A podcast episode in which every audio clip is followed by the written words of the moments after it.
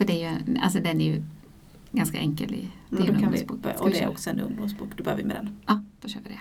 Ja, då börjar vi. Oj, nu pratar jag på. Nu. Nej, skit i det här nu. nu. det här får vi.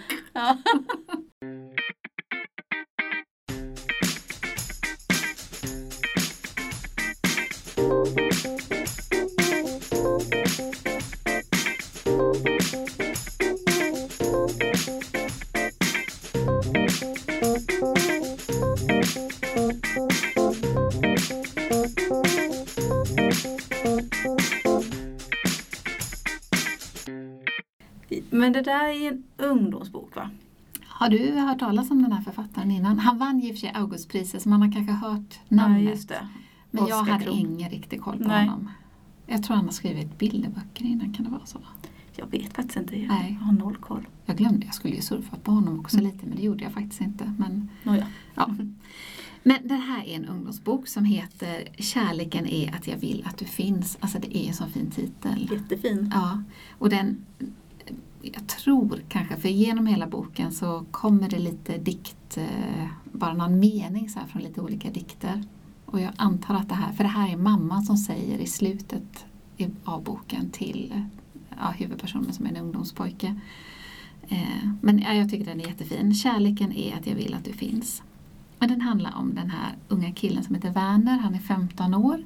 Han går i nian så han är ju lite yngre då än våra elever här på skolan. Eh, han tillsammans med sin pappa och sina två systrar, han har ett, ett tvillingpar, tvillingsystrar som är lite mindre än han är och som är så här skitjobbiga. Alltså Werner, de står honom uppe i liksom sådär. De ska i alla fall åka ner till sin farmor i, någonstans nere i Skåne och de sitter i bilen och det är det ena tjafset efter den andra. Och där bak ligger också Werners hund som heter Boje. Eh, och systrarna bara Åh, är vi inte framme snart och jag är kissnödig och har du någon fika och jag är törstig. Och, och pappan försöker hålla igång liksom och locka och sådär och så stannar han eh, vid någon parkeringsficka för den ena systern behöver gå på toa. Och så säger han till den andra systern här, men kan inte du också passa på nu? Men, nej, nej, jag är inte kissnödig nu. Och sen så sätter de sig i bilen igen och sen efter bara några hundra meter så jag blir kissnödig eh, så, så liksom man kan ana att det är kaos i den här bilen. Och vid någon liten sekund när pappan är ouppmärksam så kommer det ett helt gäng med vildsvin över vägen och det blir en sån här frontalkrock. Mm. Så det är så boken börjar. Eh, och eh, Werner och hans systrar klarar sig bra men pappan blir så dålig så att han hamnar i någon slags koma. Det står aldrig riktigt men jag skulle tänka mig att det är det. Att han, Mm. han liksom hamnar i koma och hela familjen blir ju skakad. Och det är det, det man får följa och då får man följa liksom familjens situation utifrån Werners eh, ja, vad säger man, ståndpunkt? Nej, ja, Perspektiv. perspektiv. Mm. Tack. Och det är ganska fint tycker jag för det är inte så ofta, tänker jag, som att man följer en ung kille och hans relation med sin pappa. Och nu pratar ju pappan aldrig för han ligger ju i koma men, men ändå liksom det här hur Werner tänker lite om sin pappa och så.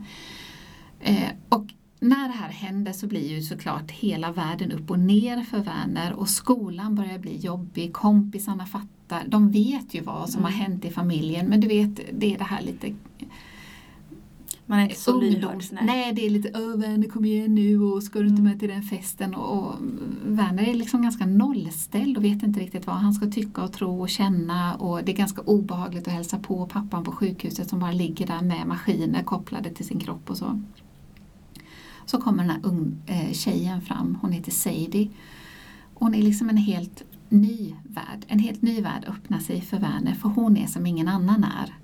Och här kan jag kanske tycka att boken spårar lite, men kanske om man läser den när man är yngre att man tycker att det är lite häftigt.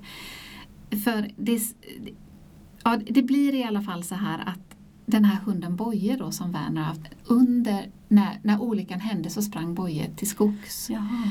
Och då får Werner någon sån mission i livet att han måste åka tillbaka till samma ställe där olyckan hände för att se om Boje är där. Och då följer Sadie med på den här resan och de kan beställa vin på krogar och de tar en bil och hon kan köra och du vet, här, det blir sådana här förvecklingar hela Mm. tiden. Och jag vet, det kan kännas lite inte så trovärdigt för man tänker att Nej. kan det verkligen hända? Nej, ja, precis. kanske, jag vet inte. Men samtidigt så um, är det en väldigt fin kärlekssaga liksom mellan de här unga också. Så att det är det som är den stora behållningen tycker jag i boken. Dels Werners liksom relation till sin pappa och att den relationen liksom en far och son-relation. Och sen så den här unga spirande kärleken med två så olika personer som Werner och Sadie. Och Sadie som är så här totalt livsbejakande. Ingenting är farligt, allting kan hända. Det bara är ju som det är liksom. Hon var go with the flow hela tiden och Mm. Werner är ju lite mer, vad kan man göra så? Får vi det och vad Mm. händer nu och så. Men han har ju bestämt sig för att han ska ner och rädda hunden. Det är en ganska lättläst bok, det är ganska korta kapitel. Boken i sig är för sig ganska lång. Kan det vara en 3, 250 sidor i den. Men det är liksom inget, inget svårt och just eftersom kapitlen är så korta Mm. så blir det ju små avslut hela tiden. Ehm, Så jag skulle absolut rekommendera den eh, till någon som behöver någon sån mysig läsning. Ehm, Och som ja, en kärleksroman för Mm. yngre personer. Men är den också, känns det som att det finns ett, något, ett, ja, vad ska man säga, lite tänkvärt i den kring till exempel förlust eller hur man hanterar en sån jobbig händelse? Eller är det mest en bakgrund till eh, den här ungdomsromansen eller det här familje... Nej, men jag tycker nog att den, för man får följa ju hur Werner gör i den här situationen och hur han liksom letar sig fram i livet för att hitta liksom sig själv igen och familjen och mammans relation. För, så jag tycker nog att det kan vara ett exempel på hur, hur en person kan hantera en sån här svår situation. Mm. Jag kan ju inte avslöja sen hur Nej, det går det för jag tänker det, det får boken utvisa den som läser den. Mm. Men, eh, nej, men det är väldigt fin beskriven på hur, tank, hur, hur någonting sån här, en kris kan orsaka huller om buller och vad mycket en person ändå lär sig Mm. av det. Det. Sen är det ju en tuff lärdom när det handlar om att någon blir så sjuk eller skadad. Mm. Men, eh, nej, men eh, skicklig författare tycker jag ändå som mejslar ut det här på ett trovärdigt sätt utom just de här bitarna som jag sa innan kanske det här med när de Ja, de- är inga biltjuvar för de har Nej. bara lånat bilen. Ja. Ska vi gå över till din bok? Ja, eh, jag har läst och du ser ju att den här är ju lite av en tegelsten. Eh, och den här, när den kom, den, det är ju väl något år sedan tror jag minst som den här kom. Eh, då tänkte jag direkt för att den här författarens, vad ska man säga, förra stora bok är nästan en av mina favoriter någonsin. Och den jag pratar om är Marcus Zusak som skrev Boktjuven för en massa år sedan nu. Jag tror de kom fram till att det var 13 år sedan. Eh, Eller 13 år från att Boktjuven kom till att han skrev färdigt den här boken. Eh, och man kan förstå kanske att det har tagit så lång tid för honom att skriva den här. Dels för att den är ju tjock, den är väldigt eh, genomarbetad och det är många personer som rör sig i den här historien som är väldigt utmejslade allihop.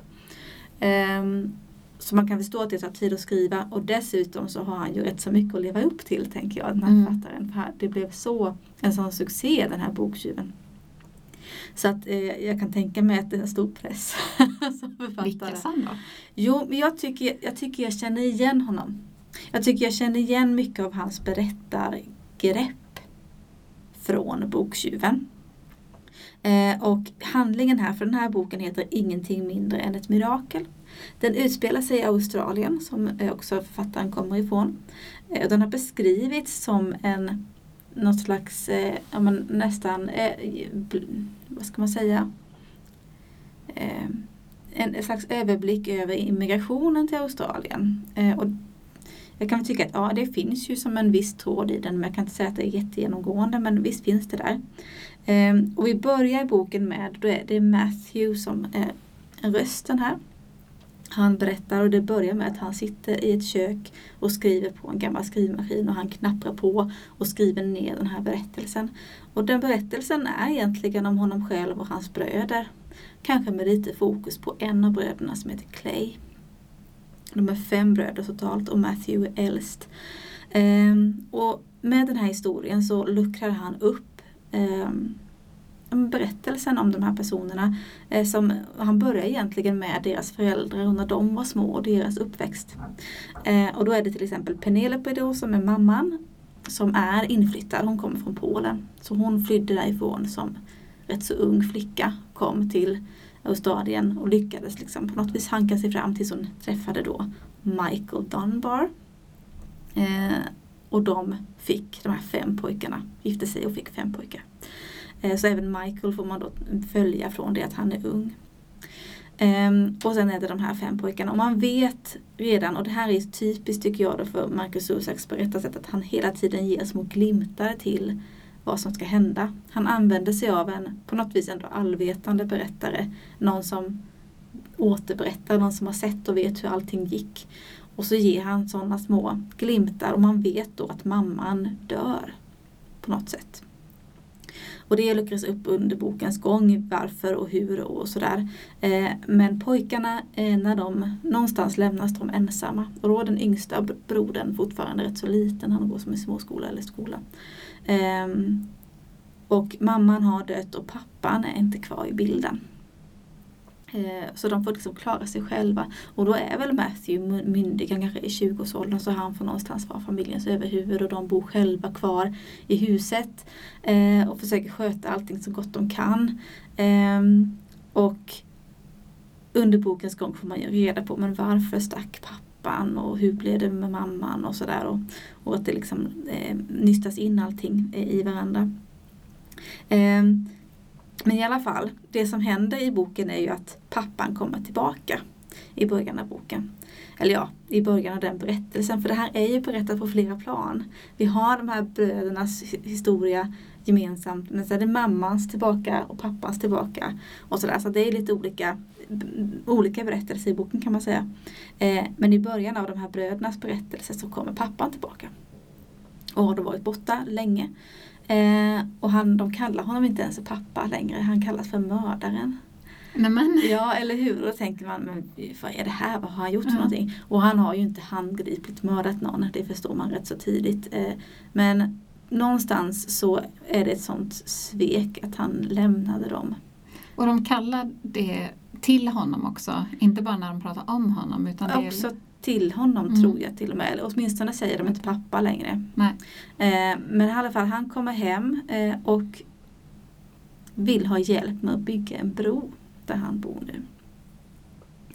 Eh, han undrar om de kan, och det, de säger ju som tvärt nej, att nej det, det är inte aktuellt. Liksom. Eh, men sen går det, han lämnar ändå kvar sin adress på en papperslapp och sådär ifall att någon, och då efter någon dag så blir det ändå så att Clay de slänger den där papperslappen och han plockar upp den i papperskorgen. Jag tror till och med de har rivit sönder den så han tejpar ihop den och sådär. Men har pappan en ny familj? Eller Nej. Det? Nej. Nej, pappan bor själv nu på, jag tror det är som att hans barndom, eller någonstans i, han, där han, i den småstaden där han växte upp. Eh, och Clay följer efter honom. Eh, och det här är som någonstans så vet Matthew redan då att ana liksom att Clay kommer att plocka upp den här lappen, han kommer att följa med. Och på ett vis blir det en slitning mellan Clay och de andra bröderna men på ett sätt förstår de också på något vis. Och det är väl det som jag tycker känns som det absolut, det som är värmer så mycket i den här boken så är det hur de här personerna skrivs fram, de här karaktärerna. Och att man känner av så väldigt mycket ändå kärlek och omtanke. Men det här är som någon skrev, jag läste en recension som skrev på pojkars vis.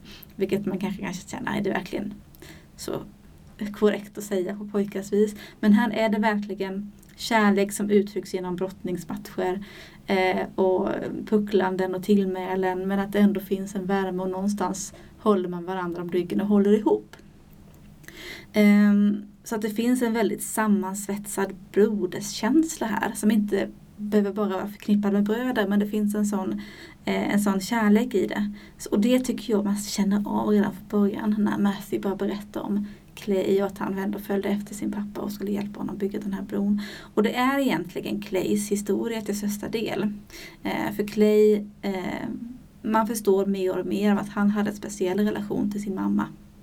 Eh, att han var den som hon berättade alla sina historier för. Eh, om hur hon var liten, om sin pappa, om det och om det. Och han är den som nästan har blivit den här historie vad ska man säga, alltså levande bibliotek av familjens historia nästan så. Um, Men hur gamla är pojkarna? Är de Ja. vuxna eller är de... när boken skrivs så är de ju vuxna. Säger, när Ja. Matthew sitter och skriver så är han vuxen.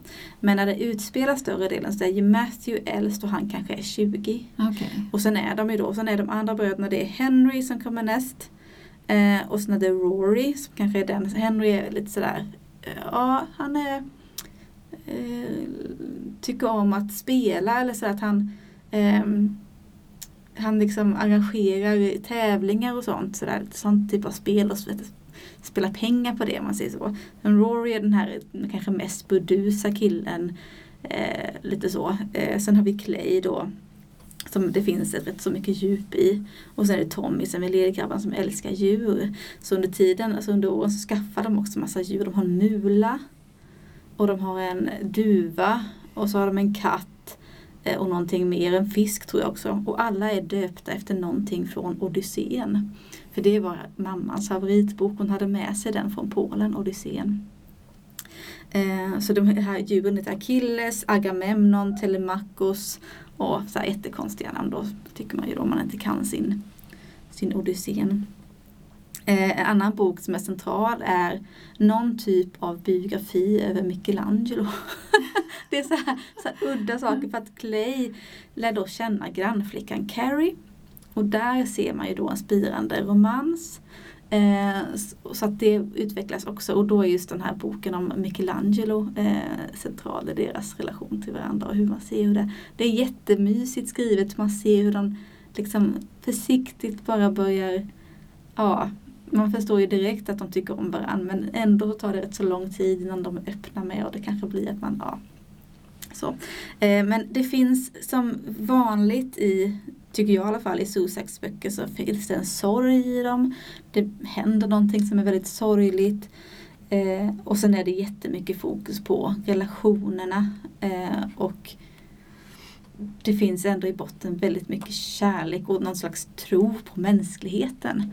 Något sånt kanske jag ändå skulle vilja sammanfatta det med. Men den är inte av den lättare, alltså den är ändå rätt så svår att hänga med i. Den hoppar, han har liksom ingen linjär historia han skriver. Han hoppar fram och tillbaka. Han lyckas, han gör det väldigt bra. Men eh, det är ju ett speciellt sätt att skriva på och en speciell sorts läsning. Så att eh, jag skulle säga att man behöver ju vara rätt så van läsare för att läsa den här. Eh, på så vis skulle jag säga att den kanske den är svårare än vad Boktjuven var. Mm. Jag tänkte bara på det du sa att jag satt och bläddrade lite här när du sa att, den, ja, att mamma då hade den här älsklingsboken. För det är faktiskt lite så i den här bo- ungdomsboken då från Oskar Kron att mamman älskar poesi. Så att barnen är namngivna över liksom olika poeter. Mm. jag, och jag försökte hitta vad systrarna hette. Jag kom bara ihåg att den ena systern heter eh, eh, Sonja Åkesson. Jaha. Eller hon heter ju Sonja. Ja, jag tänkte det. Ja. Och också- hunden och heter ju hunden. Boye efter Karin Boye och han heter ju Mm. Werner efter Werner Ja, Aspenström det. tror jag det Ja, är. Jag tänkte det att hund Ja. måste ju vara döpt efter Karin Ja. Boye. Mm. Så det, jag tänkte, det var Ja en men det var parallell precis Ja. två böcker ändå då som har lite litterära referenser i Ja. sig.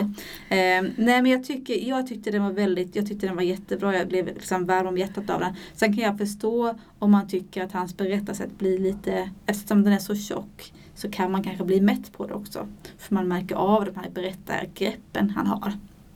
Men jag, jag vet inte, sa du vad som hände med mamman? Hon dör, det är det man Men man vet inte, Alltså eller får man reda på Ja det? det får man och det är inget Ja. egentligen dramatiskt. Alltså hon, hon dör i cancer.